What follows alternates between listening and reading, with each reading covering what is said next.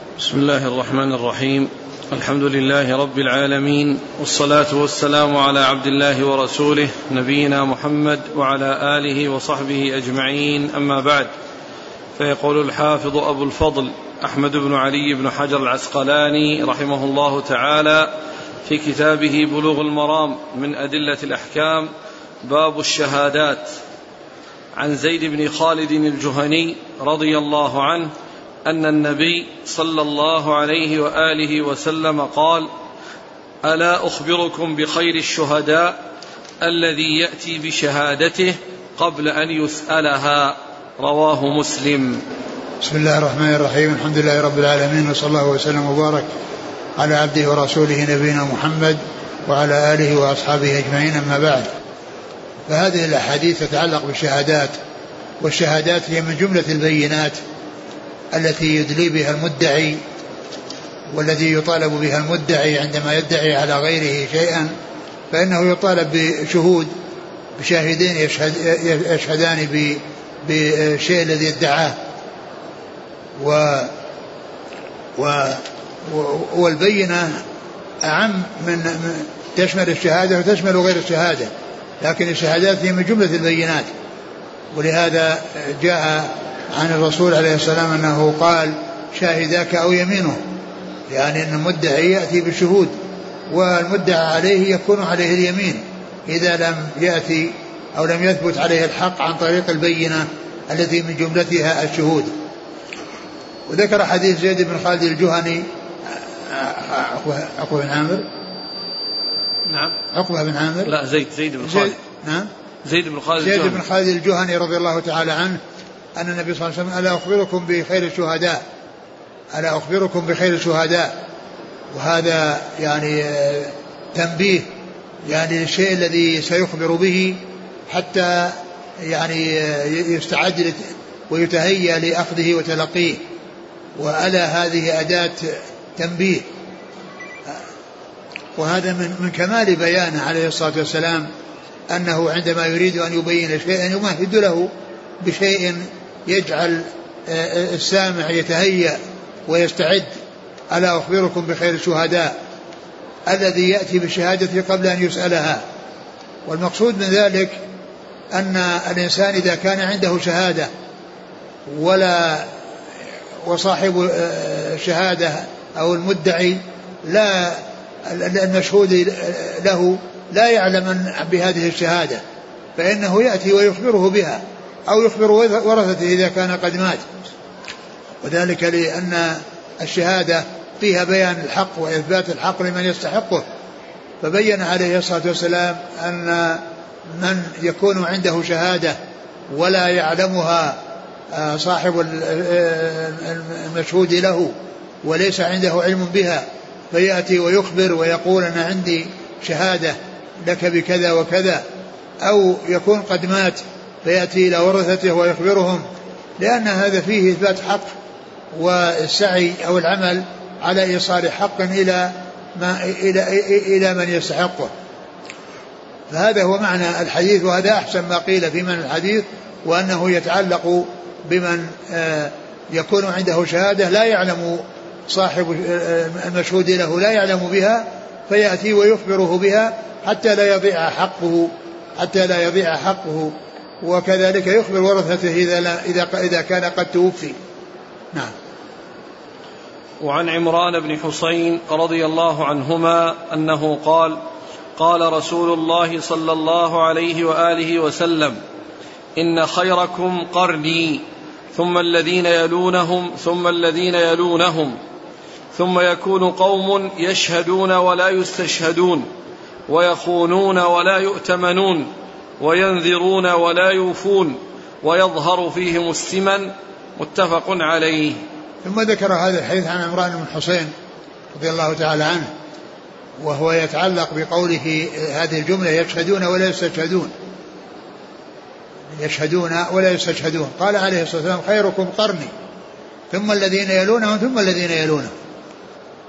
بين عليه الصلاة والسلام أن هذه الأمة خيرها القرون الثلاثة المفضلة التي هي قرنه وهم صحابته الذين كانوا في زمانه ثم التابعون الذين جاءوا بعد الصحابة ثم أتباع التابعين الذين جاءوا بعد التابعين. فأصحاب رسول الله عليه الصلاة والسلام هم خير قرن آه، يعني هم هم خير هذه الأمة خير هذه الأمة أصحاب رسول الله عليه الصلاة والسلام. وخير القرون القرن الذين بعث فيهم رسول الله عليه الصلاة والسلام وهم أصحاب رسول الله صلى الله عليه وسلم ورضي الله تعالى عنهم وأرضاهم.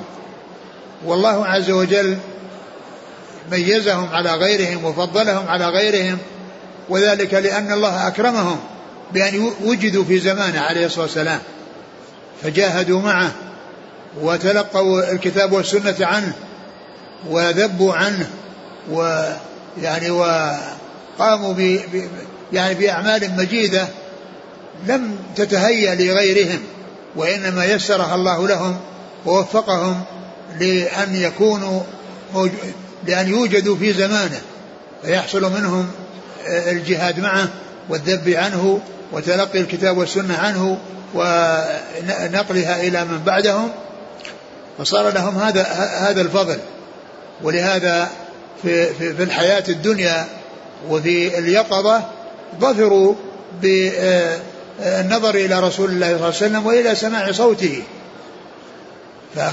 فأصحاب الرسول صلى الله عليه وسلم رأت عيونهم رسول الله صلى الله عليه وسلم وسمعت آذانهم صوت رسول الله صلى الله عليه وسلم. فصار لهم هذا الفضل ولهذه الميزة وقال خير الناس قرني أو خيركم قرني. يعني خير هذه الأمة القرن الذين بعث فيهم رسول الله عليه الصلاة والسلام. ثم إن هذه الفضيلة التي للصحابة يعني كل فرد منهم أفضل من أي فرد يأتي بعدهم. وذلك لهذا الميزة التي حصلت لهم وهي أنهم آه، آه، التقوا بالرسول صلى الله عليه وسلم وشاهدوه وعاينوه وسمعوا آه، كلامه عليه الصلاة والسلام فصار لهم من الفضل ما ليس لغيرهم.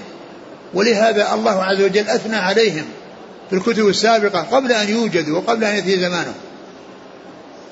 أثنى عليهم في كتابه العزيز وبين أن الكتب السابقة ذكرتهم وأثنت عليهم وبين صفاتهم.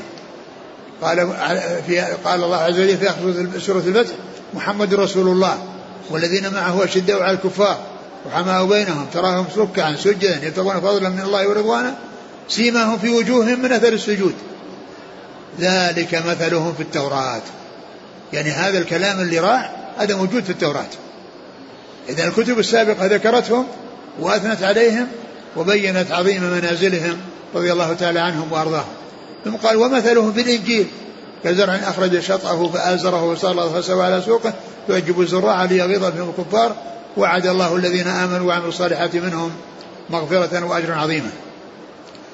فإذا أصحاب رسول الله صلى الله عليه وسلم حصل لهم شرف وحصل لهم فضل و يعني تشرفوا بوجودهم في زمانه عليه الصلاة والسلام ويعني رؤيته وسماع صوته والجهاد معه والذب عنه فصار لهم من الفضل ما ليس لغيرهم رضي الله تعالى عنهم وأرضاهم.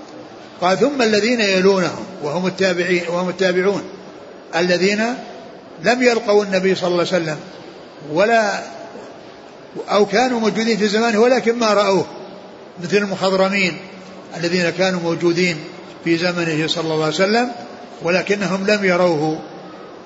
فيعني الصحبة مقصورة على على من لقيه صلى الله عليه وسلم وعلى من حصل له اللقي. أما أن يوجد في زمانه ولم يلقه فهذا لا يعتبر صحابي. فإنه لا يعتبر صحابي لا يعتبر صحابيا. ف يعني فإذا التابعون هم الذين لم يروا النبي صلى الله عليه وسلم ولكنهم رأوا العيون التي رأت النبي صلى الله عليه وسلم وهي عيون الصحابة. لأن الصحابة عيونهم رأت النبي عليه الصلاة والسلام والتابعون رأت عيونهم العيون التي رأت النبي عليه الصلاة والسلام وهي عيون الصحابة. يعني ولهذا كان لهم من الشرف ومن الفضل لقربهم بعهد النبوة ولأنهم الذين تلقوا الكتاب والسنة عن الصحابة وأخذوا يعني ميراث النبوة عن الصحابة. الصحابة أخذوا من الرسول صلى الله عليه وسلم والصحابة أدوا إلى التابعين الذين جاءوا بعدهم. ثم يليهم أتباع التابعين الذين ما رأوا يعني ما رأوا يعني يعني ما رأوا الصحابة ولكنهم يعني رأوا العيون التي رأت الصحابة. يعني التابعين رأوا العيون العيون التي رأت بها الصحابة وأولئك رأوا من رأى أصحاب رسول رأوا من رأى يعني هم التابعين. ولهذا يعني صار يعني هذه القرون الثلاثة على حسب الترتيب. الصحابة اللي في زمن الرسول صلى الله عليه وسلم هو خير الناس. ثم يليهم الذين جاءوا بعدهم. ثم يليهم الذين جاءوا بعدهم. ثم بعد ذلك يعني يتغير الأحوال ويكون آه، آه، ما أخبر به الرسول صلى الله عليه وسلم. ثم قال حيث قال ثم ثم يكون قوم ثم يكون قوم يستشهدون يشهدون ولا يستشهدون. يشهدون ولا يستشهدون وهذا محل الشاهد.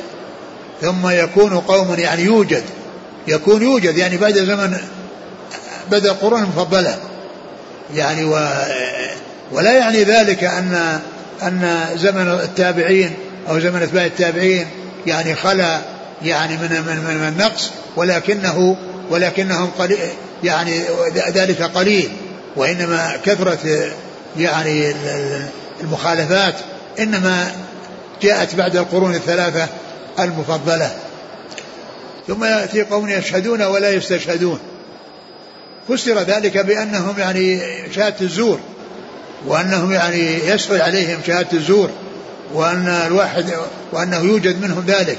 وقيل الذي لا يبالي بالشهادة ولا يهتم بها وإنما يعني يأتي بها على أي حالة كانت دون التثبت ودون يعني ولا يعني ذلك أن هذا يعني يكون آه، يعني غالب وأنه لا يكون وإنما يوجد فيهم هذا الشيء. يوجد فيهم هذا يشهدون ولا يستشهدون. وهذا خلاف الذي سبق خير خيركم الذي يأتي بالشهادة قبل أن يسألها. ذلك لأنه عنده علم بشهادة وصاحب الحق لا يعرف فيبين له. وأما هذا إما يشهد بالزور أو يأتي بالكذب أو أنه لا يبالي بالشهادة ولا يهتم بالشهادة. يشهدون ولا يستشهدون. يشهدون ولا يستشهدون وينذرون ويخونون ولا يؤتمنون. ويخونون ولا يؤتمنون. توجد فيهم الخيانة وتقل فيهم الأمانة. والخيانة يعني والأمانة يعني ليست خاصة بالأمانات التي تكون بين الناس بأن يوجد, يوجد عنده وديعة أو يعني أمانة عند شخص معين وإنما تتعلق بحقوق الله وحقوق الآدميين لأن حقوق الله أمانة. يعني ف يعني و وتأدية الأمانة مطلوبة سواء كانت لله أو لخلقه. سواء كانت لله أو لخلقه. فيعني من صفات من يأتي بعدهم؟ أنهم يخونون ولا يؤتمنون. أنهم يخونون ولا يؤتمنون يعني توجد فيهم الخيانة. والخيانة كما عرفنا تتعلق بحق الله وحق غيره. الأمانة تتعلق بحق غيره حق الله وحق غيره. والخيانة تكون يعني في في في هذه الأمانة التي هي لله والتي هي لخلق الله عز وجل والتي هي لخلق الله. ويخونون ولا يؤتمنون. وينذرون ولا يوفون. وينذرون ولا يوفون. يوجد منهم النذر ثم لا يوجد منهم الوفاء. وقد أثنى الله عز وجل على الذين يوفون بالنذر بقوله يوفون بالنذر ويخافون ما كان شره مستطيرا. وذم الذين ينذرون ولا يوفون في هذا الحديث في قوله وينذرون ولا يوفون. ثم قال ويظهر فيهم السمن ويظهر فيهم السمن يعني معناه أنهم يقبلون على التمتع بالدنيا والتوسع يعني في ملاذها ومطاعمها. وذلك من أسباب السمن وذلك من أسباب السمن. وعن عبد الله بن عمرو رضي الله عنهما أنه قال قال رسول الله صلى الله عليه وآله وسلم لا تجوز شهادة خائن ولا خائنة. ولا ذي غمر على أخيه ولا تجوز شهادة القانع لأهل البيت. رواه أحمد وأبو داود. ثم ذكر هذا الحديث عن عبد الله بن عمرو العاص رضي الله عنه عنهما أنه قال لا تشهد لا تجوز شهادة خائن ولا خائنة يعني الخائن هو الذي هو غير الأمين. قد مر بنا أنهم يخونون ولا يؤتمنون يعني توجد فيهم الخيانة ولا توجد فيهم الأمانة. فالخائن هو ضد الأمين الذي يحصل منه الخيانة يعني وعدم الالتزام بالأمانة. ومعلوم أن من يعني من يلتزم من لم يلتزم بحق الله عز وجل فإنه يعني يكون خلف الأمانة ووجدت منه الخيانة. فيكون يعني متصفا بالفسق الذي هو عدم الخروج الذي هو الخروج عن طاعة الله عز وجل فيعني فذلك من أسباب رد الشهادة وأنها لا تقبل شهادته. وكذلك لا وكذلك ولا ذي غمر على أخيه والمقصود بالغمر الحقد والعداوة. إذا كان بينه وبينه عداوة وحقد فإنه لا تقبل شهادته عليه لأن ما في قلبه من الغل والحقد والغيظ يعني يدفعه إلى أن يشهد أو يعني بشيء يعني بخلاف الواقع. وقوله على أخيه يعني لا يعني ذلك أن أن أن أن أن الكفار يعني يشهد عليهم ب يعني بغير الحق. وإن كانت العداوة يعني في الدين لكن المهم المحذور هو العداوة التي تكون يعني بين الناس. يعني فإذا كان بينه وبين كافر عداوة لا لا تقبل شهادته له. وأما عداوة في الدين فهذه يعني لا تمنع الإنسان من أن يقع في أمر يعني يعود عليه بالمضرة ويعود عليه بالعاقبة الوخيمة في الدنيا والآخرة. ولا ذي غمر على أخيه ولا؟ ولا تجوز شهادة القانع لأهل البيت. ولا تجوز شهادة القانع لأهل البيت. يعني الشخص الذي يكون عند أهل البيت يحسنون إليه وينفقون عليه ويطعمونه. يعني فيعني مثل هذا الذي يحصل يعني يكون سببا في أنه يعني يشهد لهم وأنه يعني يحصل منه مراعاتهم ومداراتهم.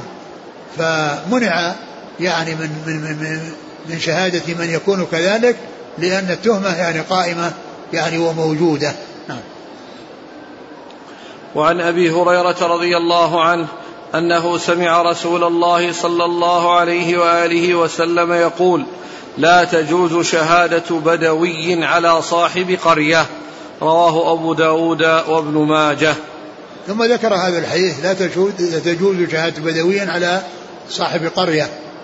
وذلك أن أهل البادية عندهم جفاء وعندهم يعني آه يعني جهل وعدم يعني فهم للحقيقة والإنسان يعني يعني كونه يستشهد بدوي وعنده الحضري يعني يتهم يعني في كونه يترك الحضر ويروح للبدو لأن البدو ليس عندهم الفهم الذي يكون عند الحاضرة. قال فلا تجوز شهادة بدوي على حضري. لكن شهادة البدوي على البدوي ما فيها مانع ليس فيها إشكال لأنه من جنسه. لكن كونه يعني يستشهد بدوي ويترك الحضري يعني هذا فيه يعني آآ آآ تهمة في أن هذا الاستشهاد إنما حصل لمن عنده جهل ولمن عنده يعني عدم فهم وإدراك فلا تجوز شهادة حضرية بدويا على على صاحب قرية. نعم. الله عليه قد تكون القضية حصلت في البادية. يعني مثل الاعتداء أو القتل حصل في البادية. قروي ذهب إلى البادية فاعتدى. فالشهود أهل البادية أهل المكان. نعم لكن يعني يعني هذا يمكن أقول يمكن يعني ليس معنى ذلك أنه دائما وأبدا لأن قد يكون هناك ما ما وجد يعني شيء يعني ما وجد شيء لكن وإن كان أنه يعني يصير عندهم آه، آه، شيء من الجهل أو شيء من كذا لكن قد يكون أنه يعني في مثل هذه الصورة ومثل هذه الأحوال التي يعني لا يوجد من يشهد غيرهم. نعم. وعن عمر بن الخطاب رضي الله عنه أنه خطب فقال إن أناسا كانوا يؤخذون بالوحي في عهد رسول الله صلى الله عليه وآله وسلم وإن الوحي قد انقطع وإنما نأخذكم الآن بما ظهر لنا من أعمالكم. رواه البخاري. ثم ذكر هذا الحديث عن عمر رضي الله عنه أنه قال إن الناس كانوا يؤخذون في زمن الرسول بالوحي. الإنسان إذا حصل منه شيء ينزل الوحي بخلاف الشيء الذي يحصل منه. فكان يعني ينزل الوحي يعني يبين الشيء الذي يعني يبينه الله لنبيه صلى الله عليه وسلم.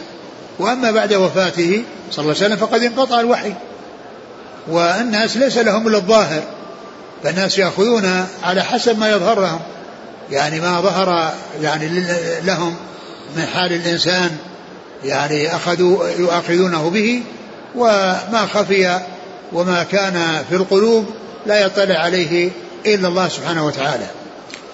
يعني هذا الحديث عن عمر يبين أنه في زمنه صلى الله عليه وسلم لو حصل من أحد يعني إخلال بشيء أو مخالفة بشيء ينزل الوحي أقول ينزل الوحي ويبين ولكنه بعد وفاة الرسول صلى الله عليه وسلم انقطع الوحي فالناس ليس عندهم إلا الظاهر والبواطن علمها عند الله عز وجل لا يطلع عليها إلا هو وليس هناك وحي ينزل بعد رسول الله صلى الله عليه وسلم حتى يبين يعني ما في البواطن وإنما البيان لما في البواطن إنما كان في زمن الوحي حيث يأتي الوحي من الله عز وجل يعني مبينا الشيء الذي قد حصل يعني من كونه يعني صحيح أو غلط. نعم. وإنما نأخذكم الآن بما ظهر لنا من أعمالكم. نعم. ما ظهر من أعمالهم يعني الشيء الذي يشاهدونه ويعاينونه. يعني القلوب لا يعلم ما فيها إلا الله عز وجل والناس ليس لهم إلا الظاهر. يعني ما يجري من القول والعمل. نعم. أحسن الله إليك. مناسبته باب الشهادات.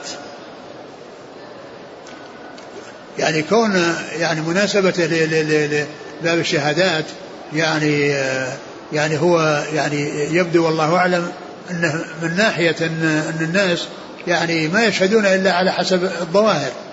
ولا ولا يشهدون على البواطن. نعم. وعن أبي بكرة رضي الله عنه عن النبي صلى الله عليه وآله وسلم أنه عد شهادة الزور في أكبر الكبائر متفق عليه في حديث. ثم ذكر شهادة الزور ويعني وخطورتها وأنها من أكبر الكبائر والحديث آه قال الرسول صلى الله عليه وسلم لا أخبركم بأكبر الكبائر الإشراك بالله وعقوق الوالدين وكان متكئا فجلس. فقال ألا وقول الزور ألا وشهادة الزور. فما زال يكررها حتى قلنا ليته سكت. فبين عليه السلام عظم شهادة الزور وخطرها ولكنه يعني زاد اهتمامه بها لأنه من السهل على بعض الناس أنه يعني يقدم على على شيء يعني على شهادة هو فيها غير صادق بخلاف يعني الشرك بالله عز وجل قد يعني يصعب عليه أن يشرك بالله وكذلك أن يعق والديه. وأما كونه يعني يشهد شهادة زور فقد يعني يكون آه، تدفعه نفسه إلى أن يكذب وإلى أن يستعمل الكذب. ولهذا أكد النبي صلى الله عليه وسلم يعني غلظ هذه الشهادة لا يعني أنها أشد مما قبلها وإنما يعني أنها يسهل فعلها آه، وأن يكون الأمر فيها أسهل مما كان بالنسبة لما كان قبلها من الشرك بالله وعقوق الوالدين. وشهادة, وشهادة الزور تكون على على خلاف الحق. يعني بأن يشهد يعني آه، وهو كاذب بأن فلان يعني له على فلان كذا وكذا هذه شهادة الزور وهي من أكبر الكبائر. نعم.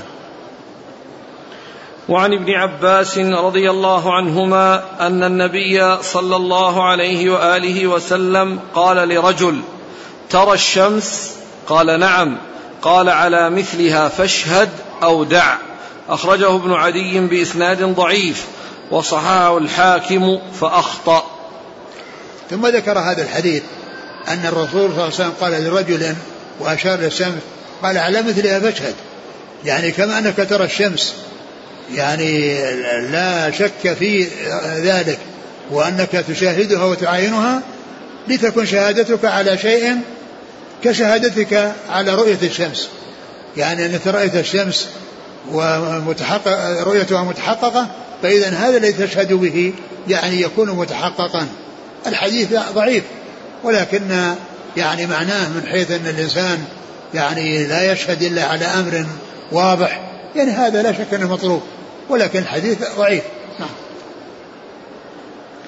وعن ابن عباس رضي الله عنهما أن رسول الله صلى الله عليه وآله وسلم قضى بيمين وشاهد. أخرجه مسلم وأبو داود والنسائي وقال إسناد جيد. ثم ذكر يعني أن من جملة يعني ما يقضى به الشاهد واليمين. وذلك أن أن الأصل أن المدعي يطلب منه شاهدان. فإذا لم يعني يحصل وجود شاهدين فإن اليمين تطلب من المدعى عليه. تطلب من اليمين المدعى عليه وإذا حلف تبرأ ساحته. لكن لو وجد لو وجد المدعي شاهدا واحدا ولم يأتي بكمال النصاب الذي هو اثنان لكن عنده شاهد واحد. فهذا قضى الرسول صلى الله عليه وسلم بأنه يضاف إلى الشاهد يمين. وذلك لأنه عنده نصف الشهادة أو عنده بعض الشهادة التي يعني لم يستوفى النصاب فيها فعنده أصل يعني أو عنده بينة لكنها غير كافية. فتكمل باليمين. تكمل يعني باليمين بأن عنده له كذا وكذا. يعني الشاهد شهد بأن عنده كذا وكذا وهو شاهد واحد فيضاف إليها يمين المدعي والأصل أن اليمين هي للمدعى المدعى عليه. لكن لما وجد للمدعي بعض البينة وهو شاهد واحد فإنها تضاف أو يضاف إليه أن يحلف على يعني ما ادعاه ويحكم له بذلك. وقد قضى بذلك رسول الله عليه الصلاة والسلام فدل على أن الشاهد يعني يضاف إليه يمين المدعي ويحكم له ولا تتوجه اليمين على المدعى عليه لأن جانب المدعي قوي بوجود شاهد معه. نعم. وعن أبي هريرة رضي الله عنه مثله أخرجه أبو داود والترمذي وصححه ابن حبان. نعم. قال رحمه الله تعالى باب الدعوى والبينات. عن ابن عباس رضي الله عنهما أن النبي صلى الله عليه وآله وسلم قال لو يعطى الناس بدعواهم لادعى ناس دماء رجال وأموالهم ولكن اليمين على المدعى عليه متفق عليه وللبيهقي بإسناد صحيح البينة على المدعي واليمين على من أنكر. ثم ذكر الدعوة والبينات. الدعوة هي ادعاء شخص على إنسان حق. يعني ف وهذا يطالب منه البي... يطالب بالبينة. وقوله والبينات يعني هذا لفظ عام يشمل الشهادات ويشمل غير الشهادات. لأن كل ما يبين الحق ويوضحه ويدل عليه يقال له بينة. يقال له بينة كل شيء يدل عليه شهادة أو غير شهادة. فهي أعم من الشهادات. فلكون الشهادات لها أحكام يعني تخصها أفردها بباب ولكنه أتى بعد ذلك بهذه الدعوة العام بهذه الترجمة العامة التي فيها ذكر البينات.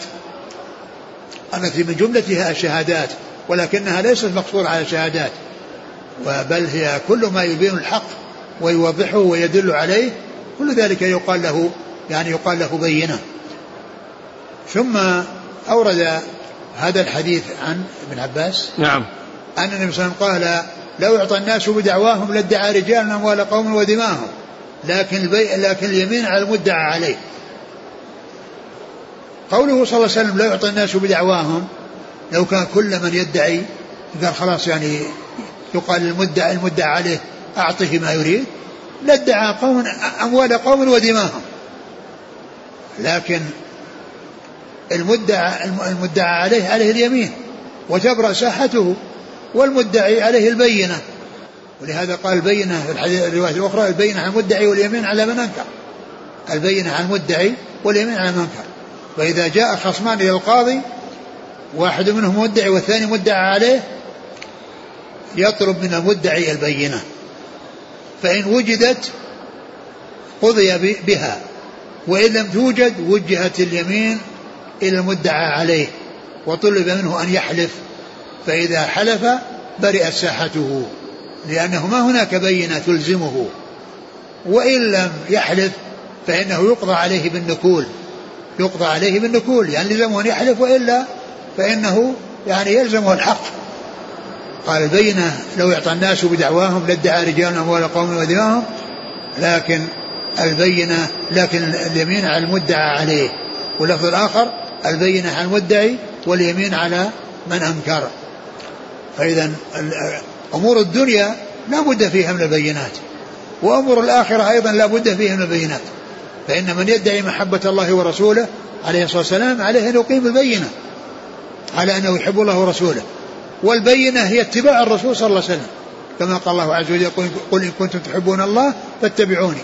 يحبكم الله ويغفر لكم ذنوبكم والله غفور رحيم. إذا يعني ليس كل دعوة يعني آه، تقبل. فيعني ولو قبلت الدعوة لكان كل يدعي آه، مال غيره يأتي إلى شخص آخر ويقول المال الذي عندك لي؟ أو أنك قتلت ابني أو قتلت أبي. لكن البينة هي التي تبين أنه ملزم. وإذا لم يكن هناك بينة فتبرأ ساحة المدعى عليه بأن يحلف و ويقضى له بحلفه بسلامته مما ادعي عليه حيث لا بينة. نعم. أحسن الله إليك. البينة دائما هي الشهود. لا الشهود غير الشهود. الشهود غير الشهود. مثل من البينات يعني قصة قصة سليمان ابن داود عليه الصلاة والسلام الحديث جاء صحيح أنه يعني جاءته امرأة أن هناك امرأتان واحدة كبرى والثانية صغرى وكل منهما ولد معها ولد. فجاء الذئب وأخذ ابن الكبرى أخذ ابن الكبرى. فادعت الكبرى أنه ولدها والصغرى تدعي أنه ولدها فجاءت ف ف يعني جاءت إلى سليمان بن داود عليه الصلاة والسلام وفاجأهما بكلام أذهلهما حتى تبين له المحق من المبطل. فقال أعطوني السكين أقطع بينكما وكل واحد يعطيها قطعة. فالكبيرة التي ليس ولدها قالت اقطع. والثانية قالت لا هو ليس ليس ولدي هو ولدها. فعرف المحقة من المبطلة. فهذه بينة بدون شهود. نعم. الآن في وسائل حديثة التصوير التحليل. إيه؟ التصوير تصوير الجريمة. نعم يعني قد يكون لكن أحيانا يكون فيه كما يسمونه الدبلجة. يعني يحطون يعني شيء يعني يركب يعني بجانب شيء ثم تطلع الصورة. نعم. التحاليل الطبية هل تعتبر بينة؟ تعتبر من من من من الدلالات والعلامات التي يعني يعني يستفاد منها لكن ما تكون هي هي يقضى بها. نعم. وعن أبي هريرة رضي الله عنه أن النبي صلى الله عليه وآله وسلم عرض على قوم اليمين فأسرعوا فأمر أن يسهم بينهم في اليمين. أيهم يحلف؟ رواه البخاري. ثم ذكر هذا الحديث عن علي. أن النبي عن أبي هريرة. عن أبي هريرة. أن النبي صلى الله عليه وسلم يعني عرض على قوم اليمين فأسرعوا. عرض على قوم اليمين فأسرعوا. يعني كل يعني يريد أن يحلف وأن يبادر إلى الحلف فأمر أن يقرع بينهم. فأمر فأمر أن يسهم بينهم في اليمين أيهم يحلف. فأن يسهم بينهم في اليمين أيهم يحلف. أن يسهم بينهم في اليمين أيهم يحلف. يعني هذا الحديث فسر بأن يكون يعني الدعوة يعني على على اثنين. يعني فدعي عليهما وتعينت عليهما اليمين فكل واحد منهم يريد أن أن يبدأ يريد أن يبادر ولا يسمح لصاحبه أن يحلف قبله فيعني يصار إلى ذلك بالقرعة. أو يكون يعني شخصان يعني آه يعني ادعيا شيئا يعني ولا بينة لهما أو كل منهما عنده بينة وليس هناك يعني شيء يعني يفصل. فيعني يكون آآ آآ آآ يسهم بينهما فيحلف أحدهما ويأخذ الشيء الذي تنازع عليه. نعم. وعن أبي أمامة الحارثي رضي الله عنه أن رسول الله صلى الله عليه وآله وسلم قال من اقتطع حق امرئ مسلم بيمينه فقد أوجب الله له النار وحرم عليه الجنة. فقال له رجل وإن كان شيئا يسيرا يا رسول الله؟ قال وإن قضيبا من أراك. رواه مسلم. ثم ذكر هذا الحديث من اقتطع يعني حق امرئ مسلم بيمينه لا يعني لقي الله. لا هذا اللفظ قد أوجب الله له أوجبه النار. أوجبه له النار وحرم عليه الجنة. من يقتطع حق يعني معناه أن إنسان ادعى على إنسان ولكن ما عنده بينة. وتوجهت اليمين على المدعى عليه وحلف وهو يعلم أن هذا الحق ليس له. أن هذا الحق الذي حلف يعني عليه ليس له. فإنه يعني يكون ذلك من أسباب يعني دخوله النار وحرمانه الجنة. ومعنى ذلك ليس معنى ذلك أنه يعني تحرم عليه النار. الجنة كما تحرم على الكفار. وتجب له النار كما تجب الكفار وإنما المقصود من ذلك أن أنه أنه لا يدخل الجنة مع أول من يدخلها لأن كل ذنب دون الشرك تحت مشيئة الله عز وجل إن شاء عفى عن صاحبه وإن شاء عذبه ولكنه إذا عذبه لا يخلده في النار بل يخرجه منها ويدخله الجنة. وإنما الذي يبقى في النار أبد الأباد ويستمر إلى غير نهاية هم الكفار الذين إذا دخلوا النار لا يخرجون منها والذين لا سبيل لهم إلى دخول الجنة. وأما أصحاب المعاصي وأصحاب الكبائر فإنهم أمرهم إلى الله عز وجل أمرهم, أمرهم إلى الله عز وجل إن شاء أن يعفو عمن يعفو عنه عفى عنه وإن شاء أن يعذبه عذبه ولكنه لا يخلده في النار بل يعني يعذبه على قدر جرمه ثم يخرجه منها ويدخله الجنة. فإذا قوله أوجب الله عليه النار يعني أو حرم عليه الجنة يعني إذا لم يتجاوز عنه. وإن تجاوز وإن تجاوز الله عنه تجاوز الله عنه فإنه لا يدخل الجنة لا يدخل النار ويدخل الجنة رأسا. نعم. فقال له رجل وإن كان شيئا يسيرا يا رسول الله قال وإن قضيبا من أراك. يعني قال رجل وإن كان شيء يسير إذا كان شيء يسير الأمر فيه سهل قال وإن كان قضيبا من أراك. يعني ولو كان شيئا تافها. ومعنى ذلك أن الظلم يبتعد عنه الإنسان ولا يأخذ حقوق الناس لا قليل ولا كثير.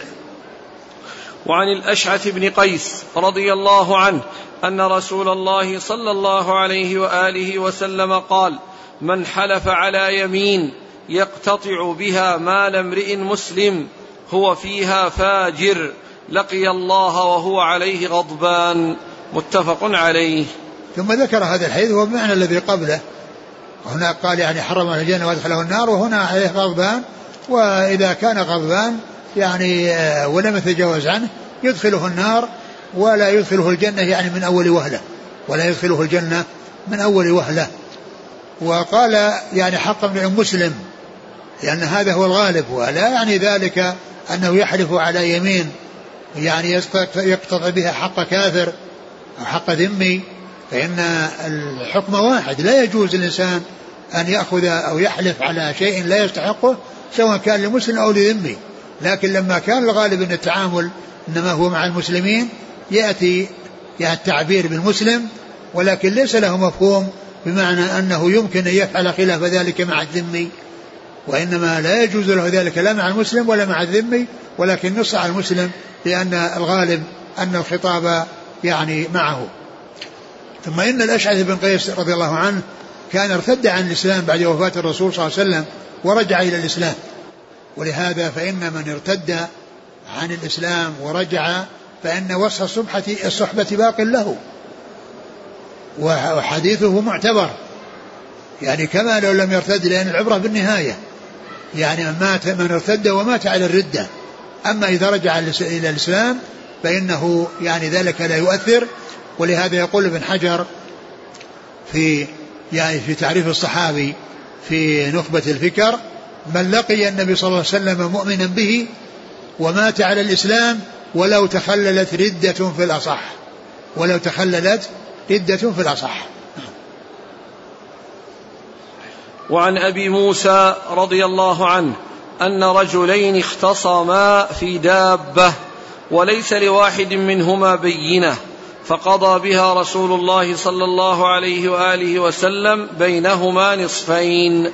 رواه أحمد وأبو داود والنسائي وهذا لفظه وقال إسناده جيد. ثم ذكر هذا الحديث أن النبي عليه الصلاة والسلام يعني جاءه رجلان يدعيان شيئا أو يدعيان اختصما في دابة. في دابة. وليس مع أحد منهما بينة. كل واحد يدعيها. كل واحد يدعيها فجعلها بينهما فجعلها بينهما نصفين. لأنه ليس هناك شيء يعني يميز أن هذا محق وهذا غير محق وكل يدعي يعني فالرسول صلى الله عليه وسلم جعلها بينهما. نعم. وعن جابر رضي الله عنه أن النبي صلى الله عليه وآله وسلم قال من حلف على منبري هذا بيمين آثمة تبوأ مقعده من النار رواه أحمد وأبو داود والنسائي وصححه ابن حبان. ثم ذكر يعني هذا الحديث المتعلق بالتغليظ باليمين في المكان. ويعني وقد جاء في بعض الروايات عند منبره صلى الله عليه وسلم. وجاء في بعضها كما هنا على منبره صلى الله عليه وسلم. وهذا يعني يعتبر من التغليظ تغليظ اليمين بالمكان. وبعض أهل العلم قال إنه يؤتى به ومنهم من قال إنه لا يؤتى به وليس بلازم أنه يعني يعني يؤتى أو الناس يذهبون إلى مكان مفضل فيحلفون المدعى عليه يعني في ذلك في, في ذلك المكان. الذي هو مكان فاضل. فالرسول عليه الصلاة والسلام بين يعني أن من حصل منه حلف يعني هو كاذب فإن من من على من حلف على منبري هذا بيمين آثمة تبوأ مقعده من النار. نعم. بيمين آثمة يعني هو كاذب فيها. يعني من حلف وهو كاذب يعني عند منبره صلى الله عليه وسلم أو على منبره صلى الله عليه وسلم وهذا كما سبق أن عرفنا يعني حتى لو ما كان يعني عند منبر يعني من اقتطع مال امرئ مسلم بيمينه لقي الله عليه غضبان الحديث أو حرم الله عليه الجنة وأدخله النار وحرم عليه الجنة. يعني فال يعني هذا كونه يتبوأ مقعده من النار يعني لمن حلف. يعني حتى لو لم ي... لو لم يكن عند المنبر يعني جاء هذا الوعيد في الحديثين السابقين. نعم. ذكرتم هذا من تغليظ في المكان. هناك نعم. تغليظ في الزمان. نعم جاء تغليظ في الزمان بعد العصر. يعني في بعض العصر يعني يقال ورجل حلف على سلعة بعد العصر. أظن سيأتي الحديث في هذا نعم. وعن أبي هريرة رضي الله عنه أنه قال قال رسول الله صلى الله عليه وآله وسلم ثلاثة لا يكلمهم الله يوم القيامة ولا ينظر إليهم ولا يزكيهم ولهم عذاب أليم. رجل على فضل ماء بالفلاة يمنعه من ابن السبيل. ورجل بايع رجلا بسلعة بعد العصر فحلف له بالله لأخذها بكذا وكذا فصدقه وهو على غير ذلك. ورجل بايع إماما لا يبايعه إلا للدنيا فإن أعطاه منها وفى وإن لم يعطه منها لم يفي متفق عليه. ثم ذكر هذا الحديث عن أبي هريرة ثلاثة لا يكلمهم الله ولا ينظر إليهم يوم القيامة ولا يزكيهم ولا عذاب عليهم لا يكلمهم الله يعني لا يكلمهم الله الكلام الذي يعني فيه يعني خيرهم وفيه راحتهم وسعادتهم وإلا فكونه يكلمهم تبكيت وتقريع يعني هذا يعني لا ينفيه يعني هذا النفي. ولهذا قال يعني جاء في القرآن اخسأوا فيها ولا تكلمون. اخسأوا هذا كلام. لكنه كلام تقريع أو تبكيت يعني ويعني يعني فيه مضرة عليهم وليس فيه مصلحة.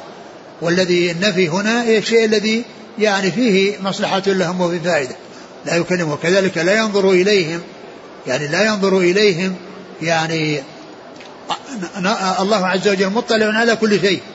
ونظره وبصره محيط محيط بكل شيء ولا يخفى عليه خافية. ولكن المقصود منه النفي مثل النفي الذي تقدم يعني لا ينظر إليهم النظر الذي فيه سعادتهم وفيه راحتهم وفيه خيرهم ولا يزكيهم ولهم عذاب أليم. ثم ذكر يعني هؤلاء الثلاثة. و وهذا من كمال بيانه صلى الله عليه وسلم لأنه يذكر في أول الأمر الشيء الذي يعني إما ترغيب وإما ترهيب. شيء يفيد الترغيب ويفيد الترهيب. يعني ذا هنا وهنا فيه ترهيب. قال ثلاثة. فذكر العدد أنهم ثلاثة. وأن هذا وصفهم وهذا شأنهم ثم ذكرهم. هذا هذا يعني يجعل السامع يتهيأ ويستعد لمعرفة من هم هؤلاء الذين وصفوا بهذا الوصف. يعني حتى يعني يحفظهم ويعرفهم ولا يفوته يفوته شيء منهم. وإن فاته شيء يعرف بأنه فاته. فيبحث عنه. لأنه جاء في أول ثلاثة. يعني هذا شأنهم. لا يكلمهم الله يوم القيامة. ولا ينظر إليهم. ولا يزكيهم. ولهم عذاب أليم. ثم بينهم. فقال رجل على فضل ماء في الفلاة يمنعه ابن السبيل. يعني على فضل ماء. يعني عنده ماء زائد وغيره بحاجة إليه. وغيره بحاجة إليه وهو في يعني في فلاة فإن فإن فإنه يعني مستحق هذه العقوبة التي بينها رسول الله صلى الله عليه وسلم في هذا الحديث. ورجل ورجل اشترى سلعة يعني بعد العصر وحلف لقد أعطيت بها كذا وكذا وهو كاذب يعني هذا المنفق يعني هذا الحلف ينفق فيها سلعته. يعني ورجل حلف ورجل اشترى سلعة قال ورجل بايع رجلا بسلعة بعد العصر. نعم. فحلف له بالله لأخذها بكذا وكذا فصدقه يعني وهو على غير ذلك. يعني البائع يقول أنني هذه إن اشتريتها بمئة ريال وهو كاذب في هذا وصدقه وأخذها بأزود من هذا قد يكون أخذها بخمسين ولكنه كذب وقال أنه حلف أنها بمئة وذاك صدقه وبنى على حلفه. فيكون يعني مستحق لهذا الوعيد. نعم ورجل؟ ورجل بايع إماما لا يبايعه إلا للدنيا فإن أعطاه منها وفى وإن لم يعطه منها لم يفي. هذا الذي يبايع الإمام من أجل الدنيا يعني ما يبايعه من أجل أن يقوم بالشيء الذي واجب عليه يعني في البيعة بأن يعني يقوم بكل ما هو يعني لازم له وواجب عليه وإنما بايعه من الدنيا يريد أن يحصل دنيا إن حصلها يعني يعني رضي وإلا سخط فيكون يعني بايعه لهذا الغرض. ورجل بايع ورجل قال ورجل بايع إماما لا يبايعه إلا للدنيا فإن نعم. أعطاه منها وفى. نعم. وإن لم يعطه منها لم يفي. يعني معناه المبايعة من أجل الدنيا فإذا أعطي منها وفى ببيعته وقام بما يعني هو واجب عليه وإلا فإنه لم يفي. يعني معناه أنه يعني حصل له يعني شيء يعني فيه فيه فائدة دنيوية فإنه يفي له بالشيء الذي بالبيعة والسمع والطاعة يعني في يعني في يعني ما هو مطلوب منه وإن لم يعني يعطه شيء سخط. يعني معناه لأنه البيعة من أجل الدنيا. وهذا مثل ما قال الله عز وجل ومنهم من يلمزك في الصدقات فإن أعطوا منها رضوا. وإن لم يعطوا منها إذا هم يسخطون. وعن جابر رضي الله عنه أن رجلين اختصما في ناقة فقال كل واحد منهما نتجت عندي فأقاما بينة فقضى بها رسول الله صلى الله عليه وسلم لمن هي في يده أعد وعن جابر رضي الله عنه أن رجلين اختصما في ناقة نعم. فقال كل واحد منهما نتجت عندي وأقاما بينة فقضى بها رسول الله صلى الله عليه وسلم لمن هي في يده. ثم ذكر هذا الحديث أن رجلا اختصم في ناقة وكل منهما يدعي أنها نتجت عنده. يعني معناه أنه اللي رباها وأنها يعني موجودة يعني من صغرها وأنها كبرت وهي عنده وأقام على ذلك بينة. فالرسول صلى الله عليه وسلم يعني حكم فيها الذي هي في يده. لأن يعني هذا يعني موجودة في حوزته وهذا يعني دخل عليه يعني يطالبه بهذا الذي في حوزته ويقول إنه يعني آه، أنتجها وهذا يقول إنه أنتجها. فالرسول صلى الله عليه وسلم رجح جانب من هي بيده. ولهذا جمهور العلماء على ما دل عليه هذا الحديث وهو أن من كانت بيده يعني السلعة التي تخاصم عليها ويعني فيرجح جانب جانب من هي بيده ومن هي في حوزته. إذا الفرق بينه وبين حديث أبي موسى أن رجلين اختصما في دابة وليس لواحد منهما بينة فقضى صلى الله عليه وسلم بينهما نصفين يعني معناه أنها ليست في حوزة واحد منهما إذا اليد نعم. اليد يعني هذه يعني قرينة يعني ترجح جانب من هي بيده. وعن ابن عمر رضي الله عنهما أن النبي صلى الله عليه وسلم رد اليمين على طالب الحق. رواهما الدار قطني وفي إسنادهما ضعف. ثم ذكر هذا الحديث أن النبي رد اليمين على طالب الحق. رد اليمين على طالب الحق. يعني عرفنا أن طالب الحق إذا كان مع شاهد فالحديث صحيح. ثبت يعني في الصحيح أن أنه يطالب اليمين مع الشاهد. أنه طالب اليمين مع الشاهد. لكن إذا كان يعني ما هناك شاهد فإن الرسول قال واليمين على من أنكر. يعني أن اليمين تكون على المدعى عليه ما تكون على على صاحب الحق أو صاحب طالب الحق. أو المدعي اللهم إلا إذا كان معه شاهد. فيكون يعني عنده بعض البينة فيضاف إليه اليمين.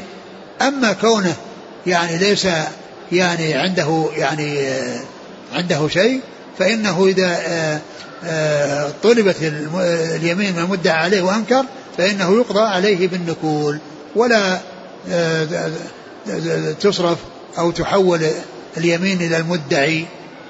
إيش الحديث أفضل؟ أن النبي صلى الله عليه وسلم رد اليمين على طالب الحق.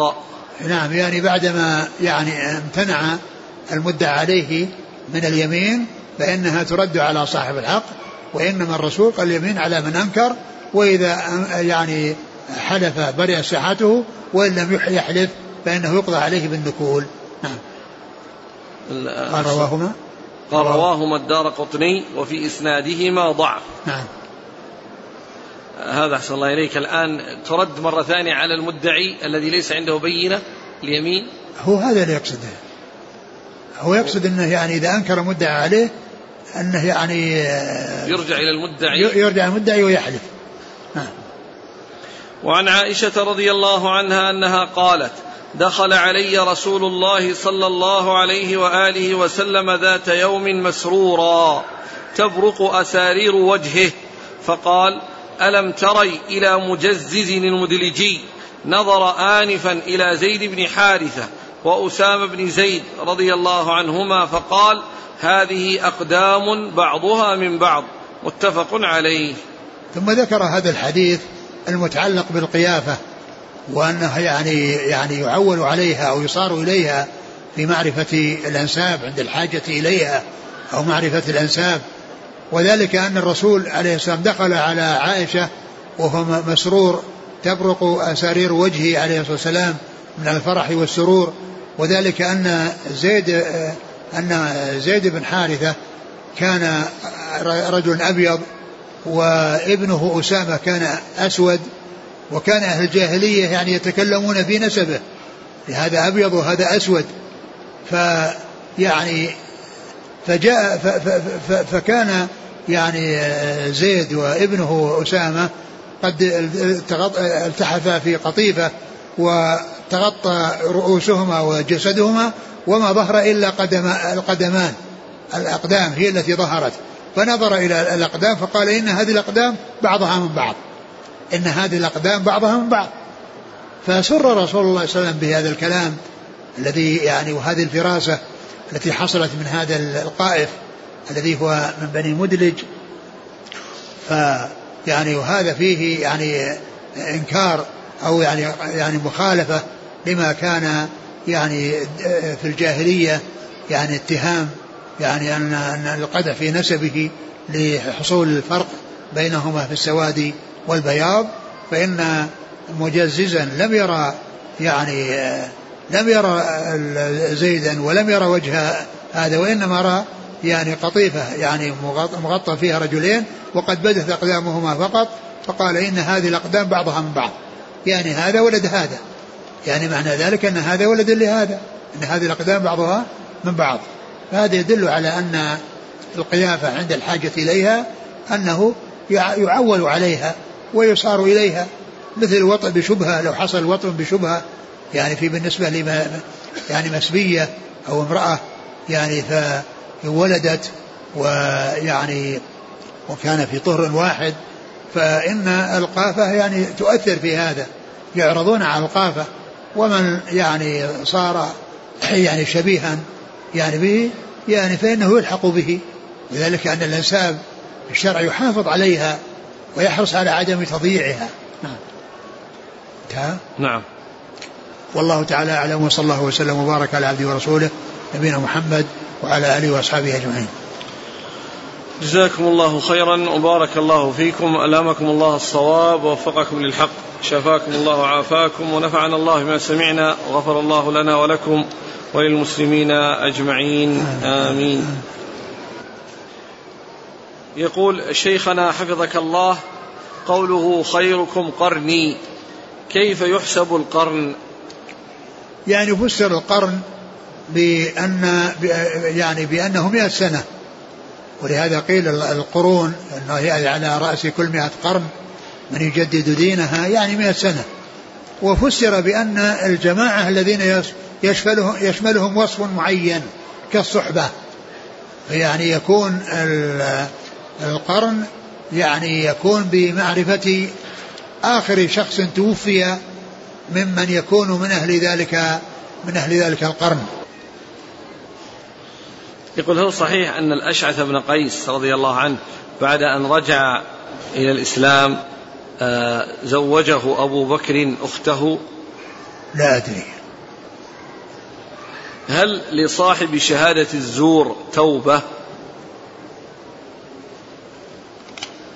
كل ذنب يعني له توبة لكن يعني إذا كان أنها يعني هذا يعني يبين يعني يعني الجرم الذي حصل منه وأن يعني هذا المال الذي يعني حصل ب يعني بهذا أنه يعني, يعني أن الذي وصل إليه بشهادته أنه لا يستحقه وأن عليه أن ذلك الذي وصل إليه أنه يعني لا لا يبقيه أو لا يعني يعني يأخذه بناء على هذه الشهادة الكاذبة. نعم. يقول ما معنى قوله تعالى في ليغيظ بهم الكفار؟ ليغيظ بهم الكفار يعني أصحاب الرسول عليه الصلاة والسلام يعني يغيظ بهم الكفار بمعنى أنه يحصل لهم الغيظ يعني بسبب أصحاب الرسول صلى الله عليه وسلم يعني غاضوهم وذلك ل يعني لكونهم يعني نصروا يعني هذا الدين وقاموا يعني بهذا الدين ف يعني فمن يعني من غابه أصحاب الرسول أو كان يعني في قلبه يعني حقد أو غيظ على أصحاب الرسول يعني فهو على خطر بأن يكون له نصيب من هذه الآية. يقول إذا أتى المدعي بشاهدين ومع ذلك حلف المدعى عليه فلمن الحكم؟ أصلا المدعى عليه لا يحلف إلا إذا طلب من الحلف. المدعى عليه لا يحلف إلا إذا طلب من الحلف. والحلف لا تطلب من المدعى عليه إلا إذا لم يوجد بينة. إذا لم يوجد بينة يعني كونه يحلف وهو ما استحلف هذا ما له قيمة. كلام على استحلاف القاضي له والقاضي لا يستحلف إلا إذا وجدت البينة. يقول أحسن الله إليكم في روسيا عندنا بعض المناطق الليل فيها ثلاث أو أربع ساعات والنهار عشرين ساعة. فكيف نصوم ونفطر علما بأن ما بين المغرب والعشاء والفجر تقريبا ساعة واحدة أو زيادة قليلا. ما بين إيش؟ المغرب والفجر ودخول العشاء بينهم أقول مثل ساعة هذا. ساعة ونصف. أقول مثل هذا يعني يكتبون للإفتاء في الرياض ويعني يسألونهم لأن هذا مبدأ عام يعني يرجع فيه للإفتاء هل يجوز للمرأة صبغ شعر حاجبها للزينة؟ يعني كونه يزجج ما في بأس. يعني تزجيج أو وضع يعني شيء يعني يسوده هذا لا بأس يعني تزجيج. يعني وإنما المحذور هو يعني ال يعني ال يعني كونه يعني يؤخذ منه أو أنه يعني يحصل منه يحصل يعني بأن يهذب أو يشذب أو يؤخذ من شيء من أجل أنه يعني يصير يعني شكله يعني شكل جميل اللي هو التنميص النمص. هذا هو الذي لا يجوز. وأما التزجيج هذا لا بأس به. كونه يوضع يعني شيء يسود الشعر ما في بأس. يقول الشاعر يقول يعني آه يعني التزجيج هذا شيء معروف. وزججنا الحواجب والعيون. زججنا الحواجب يعني وكحلنا العيون. نعم. تزجيج يعني تسويد الشعر أو وضع يعني شيء يسوده ما في بأس. نعم. يقول اشتريت قطعة أرض من صديقي. إلا إذا كان إذا كان شيب أبيض فلا فلا يزجج ولا يغير إلى السواد. نعم. يقول اشتريت قطعة أرض من صديقي وكان محتاجا للمال. آه، كان ذلك قبل عشر سنوات. الآن قررت بأن أبيعها. فكيف أخرج الزكاة؟ إيش السؤال؟ اشتريت قطعة أرض من صديقي أيوة. وكان محتاجا للمال. هذا قبل عشر سنوات. إذا كنت عرضها للبيع وأنها مهيئة للبيع فأنت تزكيها كل سنة مو بتصبر عشر سنوات. كل سنة زكيها إذا كنت عرضها للبيع. وأما إذا كنت ما عرضتها للبيع ما فيها زكاة. يقول كنت أعمل في محل تجاري وكنت أسرق من أموال المالك دون علمه ثم بعد أن اهتديت ندمت وأرجعت إليه بعض المال فقال لي إني مسامحك في هذا وفي غيره فهل علي شيء؟ بعد ذلك لا ما شيء إذا كان سامحك ما انتهى ما في إشكال. نشيد يقال فيه أمتي أمتي امنحيني البأس يا مصدر بأسي. إيش؟ أمتي أمتي إيه. امنحيني البأس. امنحيني اي امنحيني أيوه. يا مصدر بأسي. بئس هذا القول. يعني الذي يطلب منه منح الخير ودفع الشر هو الله عز وجل.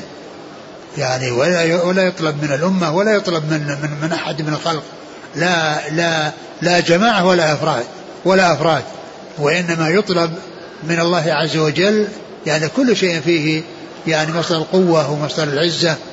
ويعني أما كون يعني يبالغ بأن يطلب من جماعة أو من أشخاص أشياء لا تطلب إلا من الله فهذا من أكبر الغلط. يقول آه، بأنه نصح رجلا بأن يقبض يديه وكان يسدل يديه في الصلاة فقال إنه مالكي وأن الإمام مالك كان لا يضع يده على صدره أثناء الصلاة. الإمام مالك رضي الله تعالى عنه وغيره من الفقهاء يعني كل منهم يعني يعول على الحق وإذا وجد الدليل فإنه يعول عليه.